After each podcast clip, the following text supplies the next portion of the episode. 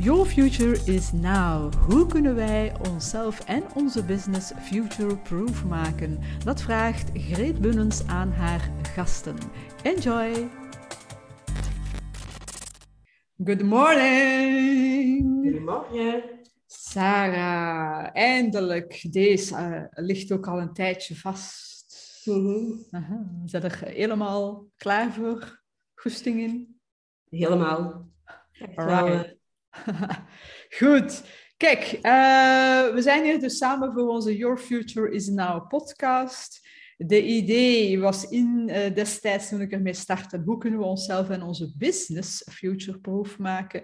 Intussen is dat wat geëvolueerd. Ik ben nog altijd eh, not your typical business coach en ik begeleid nog altijd ondernemers in hun persoonlijke groei en businessgroei. Maar met de podcast wil ik wel eens wat ruimer gaan, omdat een ondernemer is, is uh, in de eerste plaats ook nog altijd mens. En uh, hoe kunnen we onszelf dus future-proof maken? Hoeft niet altijd gelinkt te zijn aan het ondernemerschap. En dus in mijn podcast wil ik ook uh, het wat breder trekken. En uh, meer en meer heb ik nu gasten die ja, over andere dingen praten dan het typische ondernemerschap of social media, marketing, sales. Dat zijn allemaal wel mijn dadatjes. Maar ik wil inderdaad nu liever ook eens wat gasten erbij halen die elk op zich een idee hebben over, uh, over de toekomst. En ik denk niet dat jij, Madame Soleil, zei, ik ook niet, maar we kunnen er wel een, een interessant uh, gesprek over hebben. Hè? En ik zal dadelijk uh, wel eens vragen wie dat je hè, voor mensen die jou niet, nog niet kennen of... Uh, en die nieuwsgierig zijn van wie is Sarah nu eigenlijk. Maar zoals het goede gewoonte gaan we beginnen met de vragen uit de kletspot. Dus ik heb hier een aantal zeer interessante vraagjes. Ik zal ze nog wat door elkaar schudden. Yes. En uh, ik zal er met mijn vinger over gaan en dan kun je, uh, kun beslissen waar dat we stoppen. Hè? Dus. Ja, stop. Alright, hier komt de vraag. Oei, uh, maar we zitten, dat is geen goede vraag, want dat is als je met een grotere groep hebt. Oké, okay. heb jij wel al eens een afspraak bij de tandarts afgezegd, terwijl je eigenlijk gewoon had kunnen gaan? dat is ook niet echt een meest interessante vraag. Lekker oppervlakkig. Eigenlijk misschien ook niet alleen maar bij de tandarts. Heb je ooit al eens een afspraak afgezegd dat je had kunnen gaan? Ja, waarschijnlijk en wat was, de, en wat was dan de reden? Oh, ik denk gewoon geen zin. En had je dan een smoesje of heb je durven zeggen, ik heb geen goesting? Nee, ik, heb, ik denk dat ik dan gewoon... Allee, het gouden excuus als je kinderen hebt. Hè, en mijn dochter is ziek, dus ik kan vandaag niet komen. Ik moet die van school gaan halen. Ja, uh, ja, ja, ja, ja. Ik, ik heb geen kinderen uh, en ik kon mij daar vroeger uh, aan ergeren. als, als plotseling al die vrienden en vriendinnen kinderen kregen. En dan plotseling was dat inderdaad het excuus dat wij het meeste hoorden... Uh, als er een, uh, een afspraak werd afgezet, ja, onze klein... Of we hebben geen babysit. We hebben geen babysit gevonden. Terwijl dat die afspraak al maanden vast ligt en dan plotseling vinden ze geen babysit. Zo. Hè? Mijn empathie was toen uh, niet zo groot waarschijnlijk. Maar, is dat, niet, dat is dan niet voor een afspraak die zo privé en leuk is, maar dat zijn dan zo de minder leuke afspraken. Ja, ja, inderdaad. Hè. Maar een van... komt of zo, waarvan je denkt van, oh, eigenlijk laat maar, het hoeft niet. Ja, ik Sorry. denk dat het wel een interessant uh, is om, om ook wel stil te staan waar zeggen wij allemaal ja op. En uh, ik had ook uh, een afspraak een paar weken geleden met iemand die ik, een hele fijne dame. Um, maar ik voelde mij inderdaad echt niet, niet top. Hè? Dus ik, was, ik had geen energie, het was al heel erg druk geweest, hè, van 's morgens vroeg tot 's avonds laat. En ik voelde mij zelfs een beetje slechtgezind. Ik heb dat niet zo vaak, maar goed, ik was on edge. En dan dacht ik, ja, ik, ik heb eigenlijk helemaal geen goesting om naar die afspraak te gaan, want ik ga daar niet mijn, uh, mijn enthousiaste zelf zijn. Nee. Um, of ik ga mogelijk te vermoeid zijn om, in, om een deftig gesprek te voeren, of, of misschien wat rap op mijn tenen getrapt. I don't know. Dus ik voelde aan, dit is niet het beste het beste moment. Dus ik heb dat ook gezegd, maar wel eerlijk, van kijk, ik heb de energie niet, ik ben moe, ik ben een beetje slechtgezind. Uh, ik ga niet meer in een leuk gezelschap zijn, dus uh, laat ons uitstellen. En uh, dus dat zelf ook al een paar keer uitgesteld, dus in dat opzicht had ik uh, minder gêne erover. Maar het brengt ons wel bij een belangrijke vraag in ons leven, van waar zeggen we allemaal ja op? Hè? Heel vaak uh, en daar gaat de podcast nu misschien niet over, maar kijk, het is altijd een gesprek, het is een dialoog en dat kan elke richting uitgaan. Maar um, we, we, hebben heel veel um, druk die we onszelf opleggen, of die man, hè, wie man ook mogen zijn, uh, ons oplegt. En dan gaan we wel uh, regelmatig eens dingen doen die eigenlijk tegen onze natuur zijn, tegen onze goesting zijn, tegen ons, uh, weet ik veel, wat, ons buikgevoel, whatever. En toch doen we het maar omdat we, ja, omdat we het goed willen doen, omdat het zo hoort, om, uit please-gedrag enzovoort. Is dat iets dat je herkent? Mm -hmm. Soms, een beetje. uh, ja, nee, gewoon uit... uit um, als logopediste dan krijg je... Ik had het vorige week toevallig uh, dat ik uh, aan een collega meldde van... Oh ja, ik heb uh, deze week drie aanmeldingen. En vijf aanmeldingen geleden was ik eigenlijk gestopt met aanmeldingen aannemen. Ja. Dus dat betekent al heel veel. Um, maar ja, dat is zo die, die druk van buitenaf en willen helpen. En je, ja, eigenlijk als, als zorgverlener zo je, je hart volgen. Hè? Van ik wil die mensen wel helpen. Maar ja, goed, als mijn grens bereikt is, dan... Um, ja, kan ik andere mensen toch niet helpen. Maar toch wringt dat dan. Hè? Dan is ja zeggen veel makkelijker dan te zeggen van oké, hier is de grens en, en daar stopt het. Dat is... Ja, nee, klopt, klopt. Zeg, en ondertussen heb je inderdaad laten vallen dat je logopedist bent. Vertel eens, uh, Sarah, Gregor, wie bent u? Wat doet u? Wat drijft u? Ja, wat houdt mij bezig? Uh, S'nachts mijn kinderen, maar nee. uh, ja, wat, wat ben, ik ben logopediste altijd geweest, al uh, bijna 18 jaar. Dat klinkt zo'n in vorig leven. Hè. Um, en ik heb altijd gedacht dat logopedisten alleen maar kunnen logopedieën, zeg ik dan. Van, hè. We, kunnen, we zijn daarvoor opgeleid en dat is het enige wat we kunnen. Dus voor anderen, in mijn geval zijn dat ik, ik heb dan kinderen in de praktijk. Dus voor andere mensen kinderen zorgen. Zo was ooit mijn idee dat ik zou kunnen.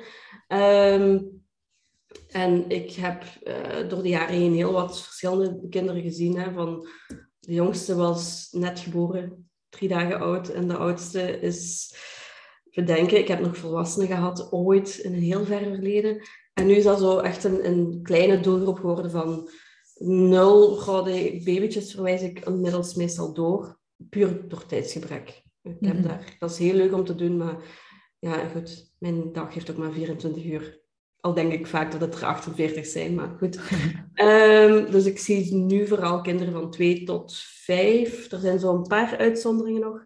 Um, die dan nog in mijn rooster verzeild zijn geraakt en die, er, die niet meer vervangen worden door oudere kinderen. Um, en dat zijn dan kinderen met uh, spraakproblemen, taalproblemen. En eigenlijk de laatste, het laatste jaar ongeveer vooral meertalige kinderen. Dus 90% van de kinderen die ik zie, die spreken thuis een andere taal dan op school.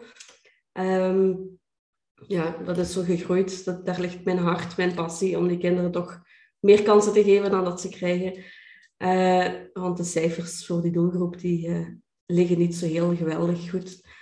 Uh, als we zo naar onderzoek kijken. Maar toch roept iedereen van ja, maar als je verschillende talen kan, dat is geweldig, dat is een meerwaarde. En dan zie ik die kinderen worstelen en dan denk ik, oké, daar, daar wil, ik, wil ik iets aan doen, die wil ik helpen om toch um, ja, stevig in het leven te staan. Dat is een mooie, mooie missie, hè? Zeg, maar om even eens terug te keren. Een, uh, een logopedist, wat doet dat eigenlijk? Ja, want dat is meer dan alleen maar spreken, hè? Ja, um, wij doen heel veel. Mhm. Het is echt van 0 tot 99 jaar. En dan gaat het over uh, baby's, voeding, voedingsproblemen. Uh, heel jonge kinderen die, heel, die geen contact maken en dan toch krijgen tot uh, samen naar hetzelfde, met hetzelfde speelgoed spelen, op geluiden reageren. Um, dan zijn zo de kleuters die of een spraakprobleem hebben, bepaalde lettertjes niet kunnen. Maar ook kinderen die ook totaal niet verstaanbaar zijn. Dat is meer mijn ding. Ehm, dan kinderen met taalproblemen. Meertalige, eentalige kinderen met taalproblemen. En als we dan zo naar de oudere kinderen gaan, lezen, rekenen, schrijven. Dat hoort er ook allemaal bij. Ehm, dat is veel minder mijn ding. Daar heb ik leuke collega's voor die dat heel goed kunnen. Mhm. Ehm, ja, en dan naar de volwassenen kan ook een stemprobleem zijn. Uh, kan ook stotteren zijn, maar ook uh, volwassenen die een hersenletsel hebben. Hm. En dan vergeet ik vast nog heel wat. Ja, mijn mama is vroeger, uh, misschien doet ze dat zelfs nog altijd, lang naar de logopedist geweest. Mijn mama heeft een, een, een hersenbloeding gehad toen ik tien jaar was. En heeft toen lang in coma gelegen en heel erg lang moeten revalideren. En zij is, eh, zij is verlamd en, langs de ene kant. En zij um, uh, gaat inderdaad al jaar en dag, ik vermoed nog altijd, om inderdaad terug te leren spreken. Want zij, zij moest alles opnieuw leren. En dus inderdaad daar, uh, en ik weet dan dat als, als kind, hè, dan, eh, dan, dan denk ik van, oh ja, hey, mama heeft dan zoiets voor en, en, en allee, die wordt uit je leven gerukt, want we zagen die dan. Ja, die lag toch zeker meer dan een jaar in revalidatie. En dan dacht ik, ik wil ook logopedist worden. Zo, hè? Dus een beetje, ik wil ook mama's redden. Zo. Dus, maar jij hebt gekozen voor, ik ben uiteindelijk nooit logopedist geworden, dus wat zijn we nu? Hè? Een, een, een typische business coach moet kunnen. Hè? Maar kijk, wij redden ook misschien mama's af en toe. Hè? Ja, dus... Ja. Um, maar, uh, maar dus jij hebt niet gekozen voor de, de mama's te, uh, om de mama's te redden, bij wijze van spreken, maar dus uh, de kinderen. En hoe, hoe zijn er erbij gekomen om je dan te focussen op die, op die doelgroep? Op zo de jonge kinderen en dan nog specifiek meertalig. Ja? Ehm, Goh, ik weet niet, dat is zoiets dat... Ik, ik, ja, ik geloof zo in het leven van, ik kies niet wat, wat ik ga doen. Hè. Het leven kiest voor mij wel voor een stukje wat er op mijn pad komt. Um, zo, ja? Ja, ik weet niet. Ja, ik kies voor een stuk wel. Want uiteindelijk ja, gaat je daar toch meer op focussen en zo. Maar ja, goed, het valt me gewoon op dat ik doorheen de jaren verschillende dingen heb gedaan. Altijd wel jonge kinderen als, als basis maar dat, dat komt dan zo op mijn pad. En dan ja, zag ik een, jaren terug, maar echt al tien jaar terug in Nederland gewerkt. En daar een opleiding gedaan voor die combinatie en taalproblemen en meertaligheid. Dat altijd wel wat blijven vasthouden. En dat heeft me altijd gefascineerd van hoe leert een kind zo twee talen tegelijkertijd. Of na elkaar, hè? dat gebeurt ook wel. Um, en waarom loopt het ene kind vast en het andere niet? Er moet toch iets zijn waarom dat, dat dan wel bij het ene kind lukt. Hè? Waarom een kind ik heb er ooit al gehad voor een ander probleem en die bleken dan na twee jaar een taalniveau te hebben dat sterker is dan Nederlandstalige kinderen. Ja, waarom lukt dat daar wel en bij die andere kinderen die ik zie niet? Uh, en hoe komt het dan? Is daar een, op een oplossing voor? Is daar een eenduidige... Ja, eenduidig. Oh, taal en zo, dat is, zo, dat is niet tastbaar. Hè. Je kunt dat niet... Je kunt niet die, die hoofdjes open doen en kijken van, oh ja, hier, ik zie hier een taalprobleem. Kom, gaan we even oplossen. Um, maar er is wel in ontwikkeling, zie je wel heel veel verschillen tussen die kinderen. De kinderen die ik zie, die, dat zijn de, de late praters en de kinderen die nooit gebrabbeld hebben. Maar vaak zien ouders dat zo niet op dat moment. Als ik dan nadien vraag van ah, hoe was dat op babyleeftijd, dan blijkt daar vaak wel, die hebben dan niet gebrabbeld, die voeding liep moeilijk. Dat zijn allemaal signalen dat er toch wel iets aan de hand is. En dan vaak als een tweede kind komt, dan kunnen ze wel zeggen van, oh ja, oké, dan loopt hier helemaal anders dan bij de eerste.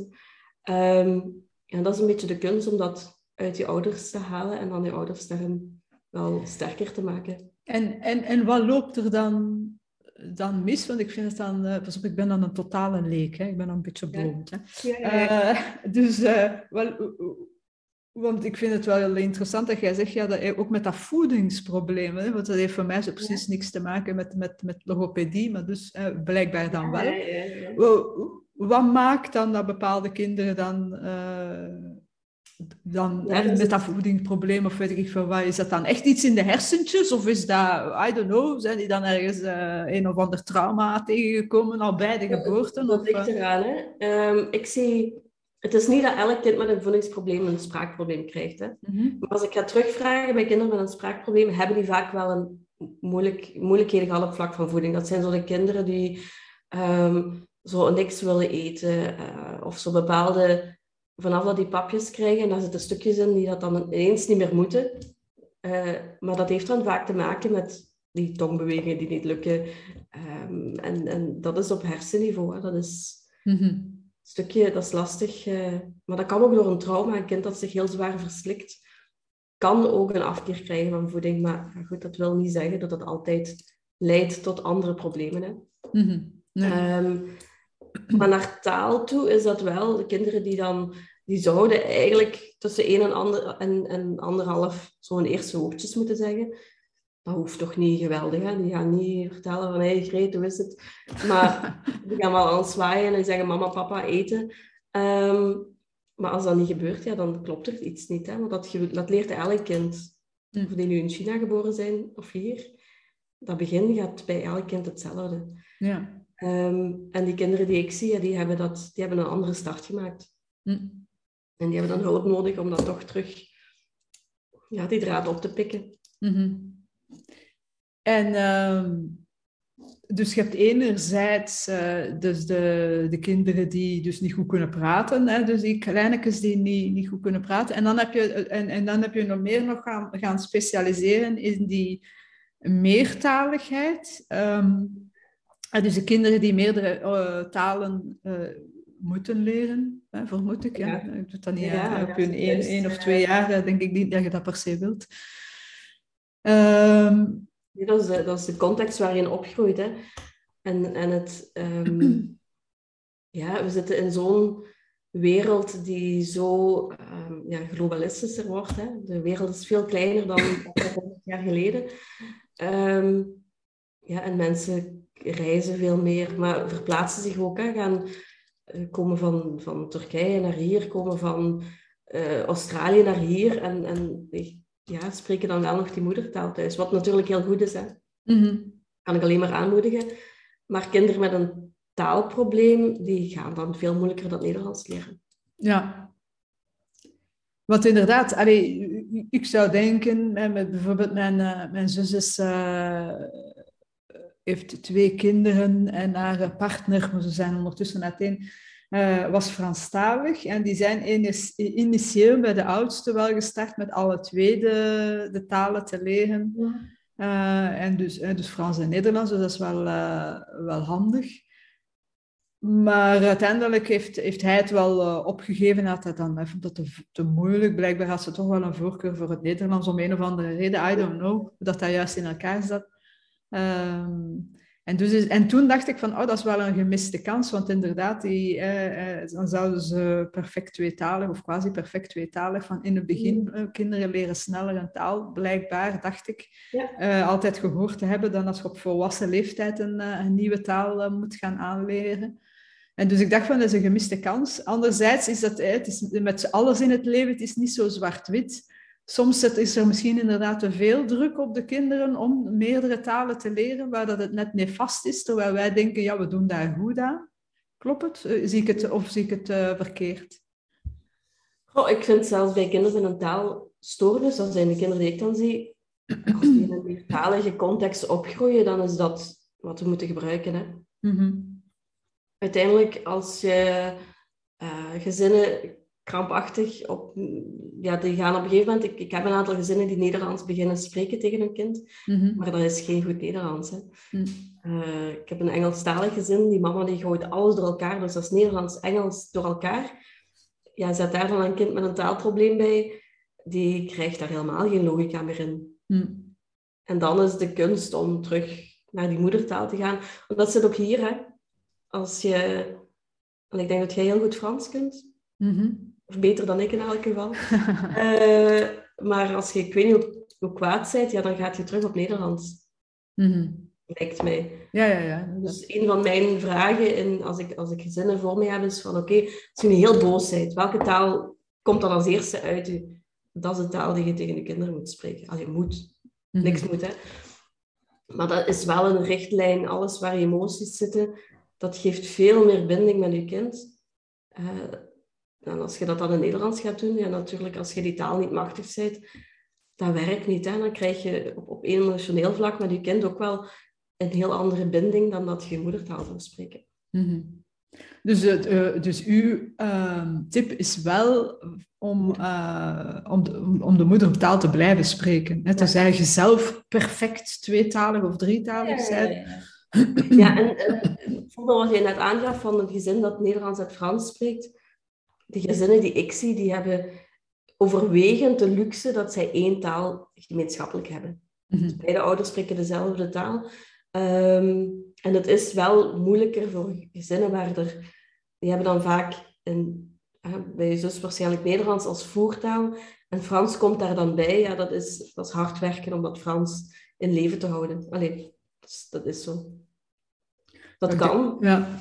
Maar dat is een heel bewuste keuze.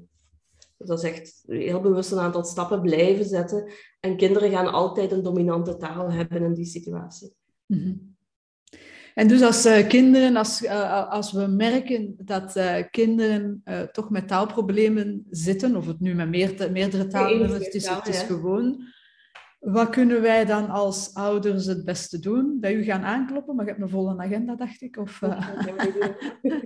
ja, dat mag natuurlijk wel. Hè. Nee, um, ik probeer, en dat is, dat is nu nog echt, dat is zeer basic, maar ik ga ervan uit dat er nog wel meer collega's die daarmee bezig zijn ik probeer wel een aantal ouders sowieso al tips te geven. Dat zij niet meteen moeten aankloppen voor intensieve hulp. Maar dat kan zo'n aantal sessies zijn, dat kan ook online zijn. Um, dat ouders toch wel wat op, op weg kunnen hè, met hun kinderen. Van hoe speel ik met mijn kind samen? Um, als ik dan uh, tien minuten kwalitatief spel bied aan mijn kind op een dag. En dat is dan echt samen op de mat dingen benoemen. Uh, als een kind één woordje maar kan, dus die zegt alleen maar auto of fiets of uh, spelen. En dan gaan we eigenlijk leren om, om twee woordjes te koppelen. Maar dat zijn dingen die ouders ook al bij aanvang zelf kunnen doen, als ze daar wat begeleiding in krijgen. Heel vaak zie je dan kinderen toch nog doorgroeien. Als dat niet het geval is, ja, dan is therapie echt wel nodig. Mm-hmm. Um, maar dat is, dat is altijd per kind en per gezin samen kijken van wat is voor jullie uh, een optie om te doen. Mm Wat is haalbaar? En dat is vaak... Ja, het zit hem vaak in het spelen en, en tegenwoordig... Uh, gezinnen hebben het heel druk. Uh, tablets, gsm's, filmpjes. Daar zit heel weinig contact in, heel weinig communicatie. Um, en dan is het echt de kunst om terug te gaan samenspelen. Ja, dat wil ik uh, juist uh, inderdaad vragen. Zie jij een, eh, je bent 18 jaar bezig, hè, dat is lang en niet lang. Uh, maar ziet jij in die afgelopen 18 jaren een evolutie ehm, in, de, in de problematieken? Ja, of, ik zie eigenlijk, dat gaat altijd een golven bij ons. Hè? Mm -hmm. Ik zie ze meestal aankomen en dan lachen collega's maar het zal wel niet dat ik zeg van oké, we gaan nu heel veel rekenproblemen krijgen. Dan gaat dat zo wel rond in scholen en dan worden die makkelijker verwezen. Um, dat is zo van, als we allemaal naar hetzelfde, als ik zeg rode, rode doek of ik zeg olifant, roze olifant, dan zie je die roze olifant. Hè.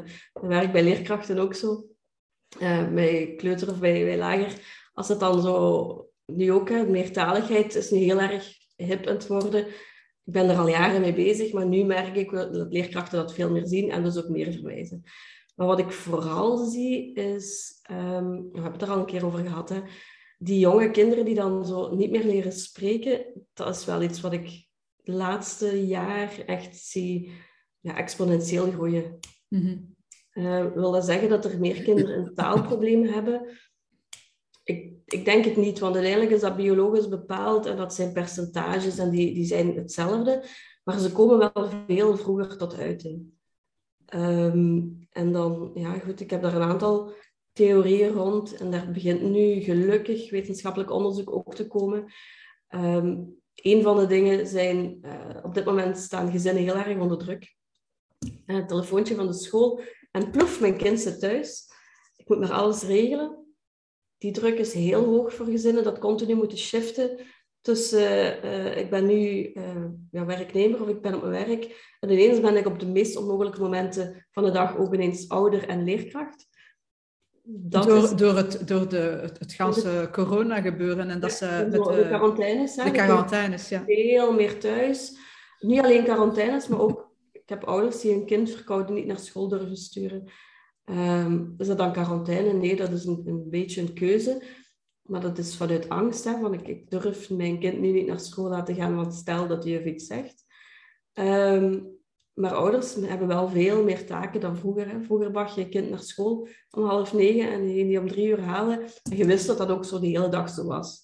De kans dat iemand die belt, mijn kind, dat je kind is ziek, dat was vrij beperkt. Terwijl dat shiften nu veel meer komt. Um, dus ja, dat is één. Dus er is veel meer druk. Um, waardoor die kinderen ook veel meer achter schermpjes zitten. En, wat ik net al zei, een schermpje, dat is geen communicatie. Daar leer, ik, daar leer je wat losse woorden van. Hè. En dat is zeker niet, niet alleen slecht. Um, als ik binnen mijn eigen gezin kijk, mijn zoon heeft uh, Engels leren spreken door filmpjes. Kan inmiddels ook Engels lezen en typen door filmpjes. Ik ga daar zeker niet over klagen. Hij is negen um, en, en kan een hele lap tekst in het Engels reproduceren. Dus ik ga daar uh, zeker niet alleen negatief. Maar voor die jonge kinderen is dat wel nefast, want die, ja, je leert doordat mama iets pakt en zegt wat het is. En niet doordat je een filmpje, dat vaak nog abstract is, ziet passeren. Um, zo zie ik wel kinderen die Engels, Engelse kleuren kunnen benoemen, maar dan in Nederlands geen mooie zin kunnen maken. Um, die liedjes kunnen zingen, dat is op zich heel goed natuurlijk, maar verder geen woord kunnen uiten. Um, ik heb een kind die, die drie, vier, vijf liedjes hiermee neuriet maar ja, als ik met, met de auto's ben aan het rijden, kan die niet auto zeggen of niet auto rijden. Of, dus dat is ook ja, dramatisch. Um, en dan het grootste wat ik nu zie, zijn heel jonge kinderen, 2,5, tussen de 2,5 en 3, soms iets jonger, uh, die niet meer spreken. En... en hadden, daar ben ik van overtuigd, die hadden sowieso op latere leeftijd wel een taalprobleem gehad. Hè? Want dat zit in je genen, dat zit in je hersenen, dat is er gewoon. Ehm, maar dan maak ik mij zorgen waarom dat die nu op 2,5 al niet meer praten. Mm En ze hebben nooit gepraat? Of ze, ze, ze... Nee. nee. En wat is daar dan de, de, uw theorie achter? Of, of uh... ja, de kinderen... Ik heb er nu een, een, tiental ongeveer. En het zijn eigenlijk allemaal kinderen die uh, voltijds of bijna voltijds naar een crash zijn geweest. En als ik dan doorvraag, dan wordt daar heel vaak ja, toch met mondmaskers gewerkt. Wat ik begrijp vanuit het crash-instantie natuurlijk. Maar als je dit stuk niet meer ziet, dan is het heel moeilijk om te leren spreken. Hè. Mhm. Want kinderen leren door wat ze horen, maar ook door wat ze zien. Uh, jonge kinderen uh, gaan ook heel vaak voelen in die regio. Hè. Als je kleinere kindjes hebt, die voelen dat bewegen, die voelen dat trillen. En als je het ook nog kan zien, ja, dat is naar leren spreken gewoon heel, heel, heel belangrijk. Ik uh, lach altijd heel hard met, met ouders, dat ik begin aan mijn therapie met ouders en ik zit heel veel zo, dat ik altijd zeg van volgens mij heb ik er inmiddels ofwel zo'n blinkend plekje of een eeltplekje, want ik zit continu te wijzen. Maar dat is omdat je kinderen wilt focussen op dat mondbeeld en dat is gewoon ja, het belangrijkste. Mhm. Dus voor de mensen die aan het luisteren zijn, hè, dus je wijst naar je kind.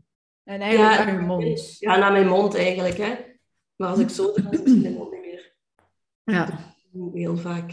Mm en, ja, goed. Dus ik werk bij die jonge kinderen vaak ook... Dat is heel spannend, hè, maar zonder mondmasker. Omdat dat gewoon... Ja, als ik dit bedek, is het gewoon heel moeilijk, hè. Mm De kinderen om dat nog te leren.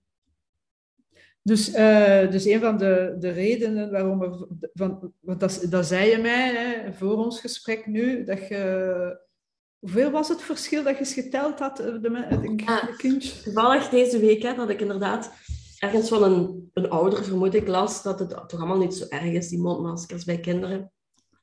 Ik zit er al even in, ik ben al even echt uit aan het zoeken van, ja, wat, wat zijn de negatieve gevolgen, zowel zelf dragen als kind als...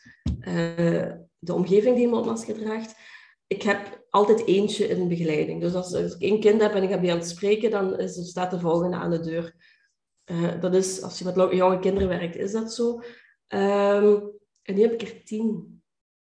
Tien die niet spreken. Eh, hm, wat blijft? Tien die niet spreken. Tien die niet spreken. Of net spreken, maar ja, pakweg twee weken terug niet spraken. Die simultaan een begeleiding heb. Mhm. Ehm, ik heb niet meer kinderen in begeleiding, want ik heb er altijd gemiddeld een dertigtal. 1 op 30 of 10 op 30. Mhm. Allee, ik krijg daar toch even... En dat was voor mij wel een eye-opener van mijn gevoel zegt dat het er veel meer zijn. Ehm, en als ik dat dan effectief ga tellen, vind ik dat wel angstaanjagend. Toch wel, want die kinderen, ja, dat is de toekomst, hè. Mhm. Ja, ja, ja, inderdaad. Vandaar dat ik het ook zo belangrijk vind van eh, ook in te zoomen op eh, onze, onze kinderen Ja, in deze podcast. Maar dus, dat zijn eigenlijk de kleinetjes die bijna geboren zijn of net voor, eh allee, in de corona Ja. hetsen of er net ze voor. zijn rond 2,5. Dus ze zijn... ik heb er eentje gehad van, van iets jonger, die, die net geboren was. eh, ik denk januari, februari eh, 2020 is dat, hè. Time flies. Eh, when you're having fun. Ja, ik heb wel fun gehad, hoor, de voorbije twee jaar. Ja, ja. Ehm, We kennen elkaar al twee jaar zeker ook. Hè? Ja, kijk. Ehm, ja, nee, de kinderen die toen ja, pakweg tussen 0 en 1 jaar waren, toen de wereld op slot ging. Hm. Dus uw aanvoelen is... En zijn daar ook wetenschappelijke studies Ja. intussen? Ehm, er is nu, eh, de resultaten zijn nog niet bekend, maar zo, er zijn wel wat eerste resultaten. Ehm, Boston University is daar eh, heel groot mee bezig. Ehm, en die hadden een verschil in IQ-punten, intelligentiepunten, van 30 gemeten bij de kinderen die ervoor geboren zijn en ontwikkeld zijn, en de kinderen die tijdens of na eh, geboren zijn en ontwikkelden, of niet meer ontwikkelden. Eh, maar heel de fijne conclusie, die zijn, ja, die zijn nog niet bekend, dus daar is ook heel weinig... eh, ehm, ik vind vooral, ik ben er heel erg naar op zoek, ik vind vooral onderzoek dat, eh, met name dan mondmaskers bij kinderen, dat daar eigenlijk geen meerwaarde is. Mhm. Dus dat het niet zo heel zinvol is om dat te doen. Ehm, dat is wat we aan het begin van, van ah, twee jaar terug ook hoorden, hè, van mondmaskers. Och, dat hoeft niet, want dat werkt niet. Terwijl we ze nu wel eh, dragen. Bij volwassenen laat ik in het midden.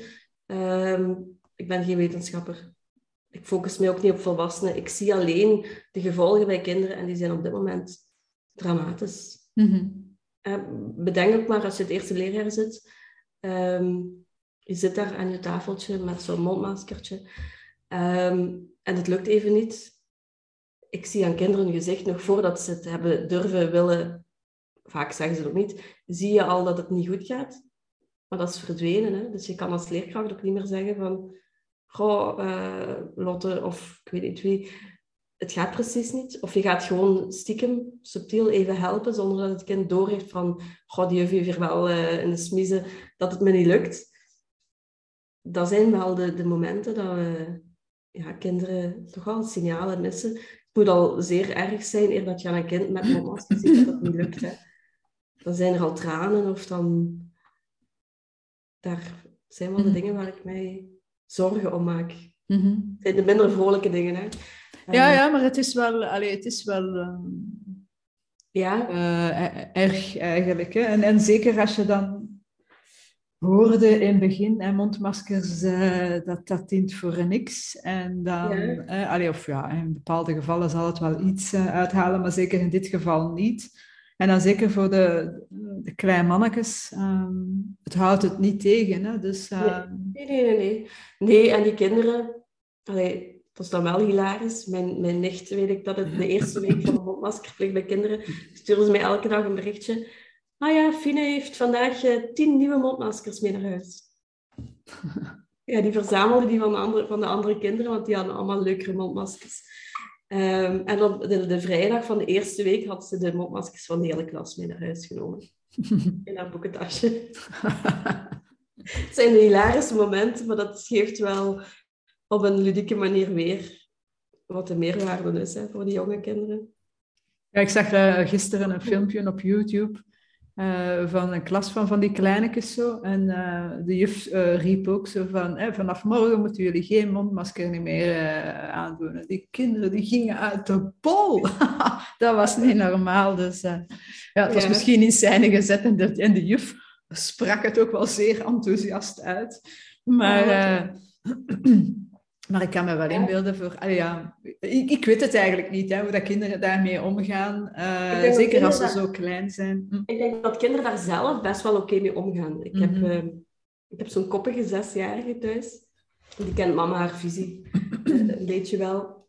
Maar op die manier dat zij van school terugkomt en haar mondmasker tot hier helemaal vast. En ik zeg, kom, doe je mondmasker af. Nee, ik hou hem op. En dan echt met zo'n... En dan rent ze echt weg van mij. Dus ik denk dat kinderen aan zich... Um, die kunnen dat best wel. Mm Maar moeten we willen dat kinderen zo'n dingen kunnen? Ja, dat is het. En zeker als het dan effecten heeft, negatieve effecten ja, heeft. Natuurlijk, ja. Zij snappen dat niet, hè, dat dat negatieve effecten heeft. Mm um, en toch uh, zijn die er wel. Want die kinderen hebben wel die leren wel dat als je dat ding niet aan hebt, dan is het blijkbaar niet veilig. Hm. Maar je zit in een klas met een juf en die juf is zeker het eerste leerjaar, dat is, uh, die staat boven mama hè, met momenten. Um, heb ik toch vaak ervaren, dat is heel leuk als ik de dochter dan zegt, ja, maar de juf zegt en jij hebt geen gelijk. Um, nu zeg ik vaak van, ik ben ook juf, dus hè, dan kom ik zo een beetje in de, de richting van de juf. Um, Maar ja, dat moet een veilige omgeving zijn. En dat voelt niet altijd zo. Maar dat zijn dingen die kinderen natuurlijk niet kunnen aangeven. Hè. Nee. Dat hoeft ook niet. Dat zijn... Daarvoor zijn wij er. Hè. Ja, maar het, het, het, het, lastige is ook omdat je veel tegenstrijdige uh, boodschappen krijgt uh, de afgelopen twee jaar uh, over van alles en nog wat. Maar bijvoorbeeld over mondmaskers, ja, dan was het het was volledig kwatsch en dan in één keer is heel die discours omgeslagen. En uh, horen we, ah nee, het is toch goed, hè, vanuit het officiële narratief. Maar dan hebben we dan ook dan de, de, de, meer, eh, de andere, de alternatieve uh, kanalen, laat ik het zo noemen, die dan uh, met, met, ook veel gerenommeerde wetenschappers die dan zeggen van ja, het is inderdaad uh, niet oké, okay, het is nefast. En op den duur weet je niet wat dat, wat dat wel juist is. En ik kan mij, allee, ja, dus ook voor, voor ouders die hun kinderen uh, naar school, ja, het wordt in één keer verplicht, wat moeten doen, uw kind niet. en, en dat je dan op je strepen staan. Um, dat is misschien ook weer niet goed voor uw kind, want dan is de kind, het, het kind misschien het enige kindje zonder mondmasker en dan voelt hij zich ook gediscrimineerd. Dus we zitten daar in een hele... Dat is, dat is een heel moeilijke balans. ja. Dus, uh, dus dat is inderdaad een hele lastige. Maar ik denk, alleen we gaan wel heel erg duidelijk uh, meer en meer... Dat is mijn aanvoel, ik ben ook geen wetenschapper. Um, maar dat we toch... En dat geldt niet enkel voor de kinderen, maar daar maak ik me natuurlijk het meeste zorgen over. Uh, omdat die echt geen inspraak hebben. Alleen niet echt weinig toch, denk ik. Um, Maar dat, dat, is echt wel een, uh, een, uh, een vast gebeuren, wat bijvoorbeeld de mondmaskers wel niet gaan teweegbrengen. Ja, het, is, niet alleen dat. Hè. Het is, het is... Ja, het is het ganse geheel. Hè. Zeg maar dus, ja, zeg maar. Ja, ik wil zeggen, ik ga die strijd ook niet aan. Hè. Dat, is, dat is echt een keuze ik kan alleen vanuit mijn eigen achtergrond en wat ik zie gebeuren aangeven. Ik, heb hier ook ouders die dan binnenkomen en een kindje van zes ook een mondmasker. Dat ik zeg van, goh, hier hoeft het niet. Um, niet omdat ik iedereen uh, toewens om ziek te zijn, maar omdat ik weet wat de gevolgen zijn. En uh, ja, ik merk ze ook gewoon. Mm Als ik van één uh, begeleiding per week naar tien ga, ja goed, de cijfers liegen niet. Um, ik, begon, ik begon daar uh, ja, twee jaar geleden met buikgevoel aan. Ja, en het wordt nu bewezen. Allee, bewezen, geen wetenschappelijk onderzoek, hè. Hm. Maar gewoon, ja, ik heb, ben echt veel meer mijn buikgevoel gaan, gaan volgen. En dat, ja, het, het, gaat die kant wel op. En dan hoop ik dat de wetenschap meegaat. Ja, ja, ja dat inderdaad. Ja. In wetenschap heb je altijd twee kanten. Hè. Mm -hmm. Zolang ze alle twee mogen zijn en gehoord worden, zal er wel ergens een consensus komen. Hm. Zeg, en, eh, maar dus concreet, we zien inderdaad, allee, allee, ik denk dat, we, dat veel mensen het aanvoelen, anderen misschien wat minder, maar goed, maakt niet uit. We merken ondertussen dat er wel uh, uh, wat taalproblemen zijn bij kinderen. Enerzijds biologisch, maar anderzijds dus mogelijk ook door, door bepaalde zaken die de laatste paar jaar aan de gang hm. zijn. Wat kunnen we nu het beste doen? Want onze kinderen zijn onze toekomst en we willen uh, hen natuurlijk een, uh, hen een mooie toekomst ook bieden en alle kansen geven, zoals jij in het begin van de podcast zei. Uh, wat zijn nu volgens u de, de beste tips als je voelt van oké, mijn kinderen hebben ja, hebben, die, hebben, hebben een taalprobleem. Oké, ik heb dat straks al gevraagd van oké, dus een aantal tips. Maar nu zeker concreet de laatste twee jaar dat we merken dat gezinnen veel meer onder druk staan. En uh, dat, dat, dat, de mondmaskerplicht misschien ook wel zijn effect heeft. So, what's next? Wat kunnen we het beste doen als ouders dan? Dat is lastig, hè? Het is een beetje afhankelijk van, van waar dat in buikgevoel zit. Um, wat ik zelf heel veel probeer, en ook voor mijn eigen kinderen, is, is te verbinden met andere kinderen die, waarvan ik merk van oké, eh, in, in, het geval waar ik dan aan denk is, die mondmaskers, is echt een context te bewegen waar, waar er dan minder zijn als het daar, daarom gaat. Ehm, ik merk ook wel dat er steeds meer leerkrachten zo dat wel een beetje laten zakken als ze vooraan in de klas staan. Dus er begint wel wat te verschuiven uit de nieuwe regelgeving vanaf, ik heb even wel gevloekt, maar goed, volgende week uh, dat het toch voor een bepaalde doelgroep al wegvalt. Uh, en concreet, ja, voor, voor gezinnen, als je merkt dat een kind daar moeite mee heeft, daar toch wel bewust mee om te gaan. En ja, er zijn, je hoeft niet in alles de strijd aan te gaan. Hè. Ik denk dat dat ook heel veel verloren energie is. Uh, om tegen een, een, schooldirectie die eigenlijk ook maar regels volgt. Um, ik vind dat persoonlijk voor mij zo het idee, ik volg de regels, ja, ik kan me daar niet zo in vinden, maar goed, ik begrijp dat andere mensen dat wel doen. Ehm, en dat is een beetje, ja, kies uw strijd, hè. Mhm. Maar probeer dan wel bewust andere momenten eh, te kiezen dat kinderen wel, uh, bijvoorbeeld uh, dan thuis, heel bewust, hier bijvoorbeeld, mijn kinderen hebben ook een mondmasker op school. Zij hebben die keuze zelf mogen maken. Um, ik heb gezorgd voor de ademende mondmaskers. Lucht is er altijd. Uh, en zij hebben de keuze mogen maken of ze hem wel of niet dragen om dan die discriminatie tegen te gaan. Uh, en zij kozen met. Prima. Uh, maar ik ga daar wel met hun mee aan de slag. Uh, thuis ben ik heel veel met taal bezig, heel veel met lezen bezig. Dat we dat wel wat kunnen ondervangen. Daar kunnen ouders ook mee aan de slag. Um, wij zijn heel veel buiten om frisse lucht te vangen. Maar ook kinderen durven alles in de strijd gaan. Hè. Als het rond lezen gaat bijvoorbeeld. Ja, wij gaan een paar keer per week gaan we picknicken en lezen buiten in plaats van binnen te zitten. Uh, dan skip ik ook al een paar uur schermpjes. Dat zijn eigenlijk allemaal dingen waar je dan toch wel wat bewuster mee om kan gaan. Maar ook daar, niet elke ouder heeft daar tijd voor. Hè. Ja, klopt inderdaad. Maar, ik herinner me nog als ik klein was met dat lezen zo. Mijn mama, ja, die... Als ik dus heel klein was en ik begon te lezen, of nog voor we eigenlijk op school zaten, die wilden al dat ik uh, al kon lezen. En dus ik kreeg zo van die boekjes die ik uh, dan... Ik was al verplicht als ik dan uh, daar was van, dat te, van te lezen met haar. Hè? Want mijn ouders zijn gescheiden, dus als ik bij haar was, bij mijn, bij, bij, bij mijn papa en zo was dat niet, maar ga daar wel. En uh, ik liet die boekjes altijd verdwijnen. Oh, dat zou lastig dat ook doen. Dus ja, het, rebel, het rebelse karakter. Van, ik moet just niks. Ah, jij zegt dat ik hier moet lezen. Dat boekje is nee. verdwenen. Nee, maar dan is het dan, dan is het leuk maken. Hè? Uh, koken kan ook met je kind. Hè? Dan bied je heel veel taal aan. Zet je op het aanrecht, geeft hij een mes. Maar je hebt tegenwoordig messen die wel kindvriendelijker zijn. Hè? Ja. Um, ja, ik zeg dan wel tegen mijn kinderen, je snijdt maar één keer in de vingers. Nee, zo, zo erg zijn we niet, maar goed. Uh, maar goed, betrek je kinderen bij bepaalde activiteiten. Dat zorgt ook gewoon voor wat meer verbinding met je kind. En dan gaat het ook niet zo snel. En dan heb je de kans om je te jagen, hè? want alles moet snel, snel. En je bent wel heel veel met taal bezig. En dat is eigenlijk de essentie. Eén, je krijgt een veel beter band met je kind, omdat hij achter een schermpje zit in de zetel, terwijl jij nog in de, ja, in de rush zit en het eten probeert klaar te krijgen. Maar dat is lastig, dat is niet evident. En als je dan die, die druk voelt van, ah ja, dat is die logopediste die dan weer zegt van, ik moet dat doen met mijn kind. Ik probeer altijd samen met die ouders te zoeken van, wat, is, wat past binnen jullie gezin? Want dat gaat niet altijd, hè, voor elk gezin.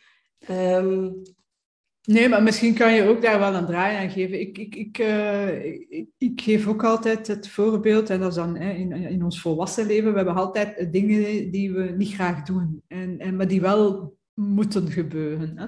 Eh, ik denk dan altijd aan de boekhouding voorbereiden hè, als zelfstandige en ik heb er een nekel aan. Oh, en dus, dus wat ik op een bepaald moment, ik, ik, was niet te genieten als ik die boekhouding moest voorbereiden, ik weet niet waarom, maar goed, het was, het was vreselijk, het duurde ik weet niet hoe lang enzovoort. Tot op een bepaald moment dat ik mij inbeelde, als kind speelde ik heel graag secretareske. Hè. Uh, allee, dat mogen we niet meer zeggen, secretaris, dat moet wat is het, office manager of zo zijn. Anyway, ja. maakt niet uit. Ja, dus ik speelde graag secretaresken en zo met mijn tipmachine en dan deed ik alsof ik dan van alles moest managen. Uh, en wat ik dus gedaan heb, dus op latere leeftijd, hè, dus uh, als ik mijn boekhouding aan het voorbereiden was, mij helemaal in de mindset dat ik terug kind was. En dat ik secretaresse speelde. En dan uh, met mijn rekenmachientje, terwijl ik die niet nodig had, dat zat naast mij en ik deed bam, alsof ik dus uh, secretaresse was. En uh, wonder boven wonder, plotseling werd het gewoon een veel leukere activiteit dan, uh, dan... En het ging ook veel sneller, dus nu hoef ik dat niet meer te doen. Hè. Dus nu heb ik de, is dat bijna een automatisme. Oké, we mogen terug kind zijn, leuk, leuk, leuk. Dat is iets dat ik mijzelf heb ingeprent. Maar destijds werkte dat ook. En, en, ja, raar maar waar, het, is niet meer zo vreselijk en het gaat gewoon veel sneller. Maar ik vertel dat omdat je... Ik zeg dat ook heel vaak aan, aan mijn man bijvoorbeeld, die zich soms ook kan ergeren, omdat hij heel veel van thuis uit nu moet werken, uiteraard. En uh, hij mist zijn collega's en dan begint hij, in begint hij zo wat te sakkeren en zo. En dan zeg ik ook altijd, find the joy. Hè. Vind het leuke in... in, in uh, in zaken. En bij kinderen ook, als mijn, uh, ik heb nu zelf geen kinderen, maar als mijn, uh, onze, onze nichtjes of neefjes of zo langskwamen. Uh, ik, wij, wij, wij doen uiteraard, hè, als het een goede meter en Peter be, betaamt, gaan we heel veel activiteiten met die kinderen doen. Hè. Dat mag, hè. we mogen ze uber verwennen. Anderzijds, ja, er zijn nog altijd een aantal zaken die ook dienen te gebeuren. En ik herinner mij ook wel dat ik mijn gewone taken, bijvoorbeeld als ik aan het strijken was, ja, dat ik daar dan ja, onze Eline erbij nam en dan zo van, dan ga jij de zakdoekjes plooien en dan zal ik strijken en weet ik veel wat. die vond dat dus geweldig. Hè. En die wilde dan ook plots een strijkplank hebben en zo. Dus die kleine dingetjes kunnen ook, denk ik dan. Hè. Maar dat zijn ook dingen die ik zo, zeker als ik gezinnen echt begeleid in therapie, de praktijk, die ouders zijn er altijd bij. Hè. Dus dat is wel heel fijn. Die gaan eigenlijk als vanzelf kopiëren wat dat ik ook doe. Um, en als dat zo niet helemaal past, dan probeer ik dat wel bij te sturen. Maar kinderen kun je eigenlijk heel leuk stimuleren. Bij ons is het... Uh, maar de kinderen hier in de praktijk, die willen dan... Ik was zo rommel kijken, want ik zie de rommel van de vorige. Die heb ik niet laten opruimen. Maar hier moeten ze altijd mee opruimen. Maar dat is een spel als je dingen in een doos kan doen. De kinderen die dan net leren spreken, dat is gewoon heel het in, in, in. En dat, dat is gewoon leuk. En dan van een afstandje erin gooien. Uh, dat wordt spelenderwijs gedaan. En ik weet dat ik naar ouders ook al het voorbeeld aanhaal van mijn eigen kinderen. Wij zetten opruimliedjes op. Um, ik kies de liedjes. Ik heb liedjes van vier en vijf minuten. Hè? Zo, ik wil aan denken aan zo'n liedje. Um, ja, goed. De goede ik vermoed niet dat het Metallica is, hè? of zo. Nee, maar zoiets, maar iets, iets wat lang duurt, met een goede intro. Ah, ja. ja, heeft dat wel, hè? Ja. Dat is. Um, ah, het is niet een liedje met een tekst van op, op alles is op, oh, waar is de chocolade? Ah, ja. Nee, nee. duurt maar één minuut, dat is te kort. Hè. Ah ja, oké. nee, ik kies drie opruimliedjes en ik zeg tegen de kinderen, ik moet dat trouwens niet elke dag doen, want dat werkt niet als je dat elke dag doet. Uh, oké, okay, we zetten drie liedjes op, ik kies de liedjes en alles wat na drie liedjes nog ligt qua rommel, ruim ik op. Ik heb mijn kinderen nog nooit zo hard zien lopen. Dat is echt hilarisch. Ja. En dan, dan zijn we gewoon bezig, oh ja, doe jij dit, doe jij dat. Dus ze krijgen de hele tijd opdrachten, heel talig bezig. Ze zijn bezig en het heeft voor mij is daarna alles opgeruimd. Dus ik heb ook meer tijd om weer met hun bezig te zijn. Hm. Maar dus de, de angst is dat al wat dat er nog ligt, dat je dat weg gaat smijten, of wat? Nee, er is ah, geen. Ah, ja, nee, want ik zeg, alles wat er nog ligt, ruimt mama op. Ah, ja, ja. Ah, ze vinden dat blijkbaar toch zo leuk om dat zo snel te doen. Van, oh, hoe lang is het liedje nog? Oh ja, we hebben nog één liedje, kom. En dan zo de oudste tegen de jongste van, kom op, we gaan dit nog opruimen. Ja. Het motiveert wel, blijkbaar. Mm Omdat het spelenderwijs is en het is leuk. En er zit een beetje tijdsdruk op. Um, ze hebben alleen, ja, de oudste heeft dat nu wel door, maar de jongste nog niet. Dat ik dan ook wel eens een liedje van zeven minuten ertussen duw. dat zijn eigenlijk stiekem twee liedjes. Ehm, ja, in de, in de jaren zeventig had het toch zo, uh, was het toch zo'n beetje de mode om van die, hoe noemden dat weer, de maxi-singles te hebben. Dat van die ja, liedjes die zo eeuwig duren. Hè. Dat is eigenlijk een beetje vervelend. Ah, dingen, Hotel California, dat duurt wel heel erg lang. Die kun je ook wel op Ik ga eens kijken. en dan de, die gitaardingen, dat blijft duren. ja, ja, ja. ja. Maar zo leuke dingen en kinderen betrekken inderdaad. Zo de, de sokken bijeenzoeken. Al ja, dat lukt ook niet elke week. Hè. Vooral creatief zijn als ouders. Maar ja, laat die maar eens door de living een, een, eh, een sokkenslang maken. En dan zo alle sokken bij elkaar en zo lang mogelijk. Dan zijn die gemotiveerd. Hè? Ja. En dat is eigenlijk naar, naar aandacht, concentratie. Eigenlijk traint je daar alles mee. Dingen afwerken. Hm. Um, dingen samenzoeken, dat is voor jonge kinderen heel belangrijk. Om dat te kunnen. En ja, ik heb weer minder werk met mijn sokken. Voilà, absoluut, absoluut. Ja, maar uh, dat is maar dan vergeten we, ik denk dat, dat de meeste mensen zo vergeten zijn hoe eenvoudig het soms kan zijn. Ja, en kinderen hebben vaak ook, uh, allee, dat herinner ik mij dan ook nog van, ik herinner mij ook het, dochtertje van, uh, van een vriendin van mij. Uh, ik had haar dan een mooi cadeau voor gekocht, ik weet niet meer wat het was. Uh, de, en uiteindelijk was ze niet geïnteresseerd in dat mooie cadeau, maar wel in zo'n vieze, afgeknanselde bal van onze hond. dus die vol zever van de hond Ah, lekker. dat, was, dat, was, dat was wel veel leuker dan dat, weet ik veel wat, dat kasteel, dat Barbie-kasteel, of weet ik veel wat ik gekocht had. Dus uh, ja, moet kunnen. Moet. En het zijn vaak ook die kleine, onnozele dingetjes waar ze, dat ze ook wel aandacht voor hebben. Het moet niet allemaal zo heel bling-bling zijn. Allee, sommigen wel, maar... Uh... Maar dus uh, concreet naar de kinderen toe, uh, of ze nu eerlijk gezegd hebben, spra spraakproblemen hebben of niet, wat meer naar buiten gaan, wat meer spelen, uh, niet al te veel schermtijd. ja. Ja. Samen aan de slag gaan. Ja. Ja, maar soms vraag ik mij dat af en ik heb het al in een paar podcasts erover gehad. Um, dat gamen. Um, ik had vroeger ook een uh, van die computerspelletjes, hè, maar dat was toch nog een heel ander gegeven. Ik heb er hier trouwens eentje voor mijn verjaardag teruggekregen. Zo, eh, oh. zo een ding. Hè. Mijn oh. zus heeft dat gekocht, heeft dat laten afkomen van Japan. Uh, dus dat is wel heel erg tof. Ik voel me dus weer kind als ik met dat spelletje speel. Maar uh, dat is een heel ander gegeven. Vandaag zijn die, die games zo realistisch en, en dat is ook wel een bezorgdheid. Ik weet niet of je daar een, eh, een, een, eh, een mening over hebt. Maar de hele metaverse de, waar men mee bezig is, hè, dus uh, Facebook die meta is geworden en waarin we een alternatief universum aan het creëren is, waarin mhm. mensen dan zelf een alter ego kunnen uh, kiezen en um, ook kinderen kunnen naar, kan, naar concerten gaan, dingen kunnen kopen, uh, lief vinden, weet ik veel wat. Men, en men creëert eigenlijk een heel alternatieve universum, hè? de Matrix, de Matrix in de Matrix. Um, en ik denk natuurlijk, wij, en dan zeker, ik ben dan nog, uh, nog een, een paar jaar ouder dan jij, wij, uh, wij zijn niet opgegroeid met heel veel schermen. Hè. Een keer een... Eh, een, een, een uh, nee, dat is waar. Dus, maar voor die kinderen, die zijn allemaal opgegroeid met die schermen. En voor hen, voor hen gaat dat eigenlijk een, een no-brainer zijn om helemaal in te tunen op, op die metaverse. Ja, dat, dat, dat zie je nu al. Hè. Ik zie de kinderen binnenkomen hier met, een, met de gsm van mama dan in hun handen. Hè. Die zitten dan zo in de wachtkamer, die komen hier binnen dat is na een paar weken bij mij komen, is dat weg. Um, we schroeven dat wel terug, maar het is inderdaad, al die kinderen worden daarmee geboren. Uh, mijn eigen kinderen die swipten over de tv. Hè. Ja. Omdat die dachten dat dat zou liggen. Wij hadden geen iPad overigens toen. We hebben dat pas sinds... Mijn oudste wordt tien. Sinds een jaar of twee of zo hebben we een iPad. Dus die waren dat niet gewoon. En toch...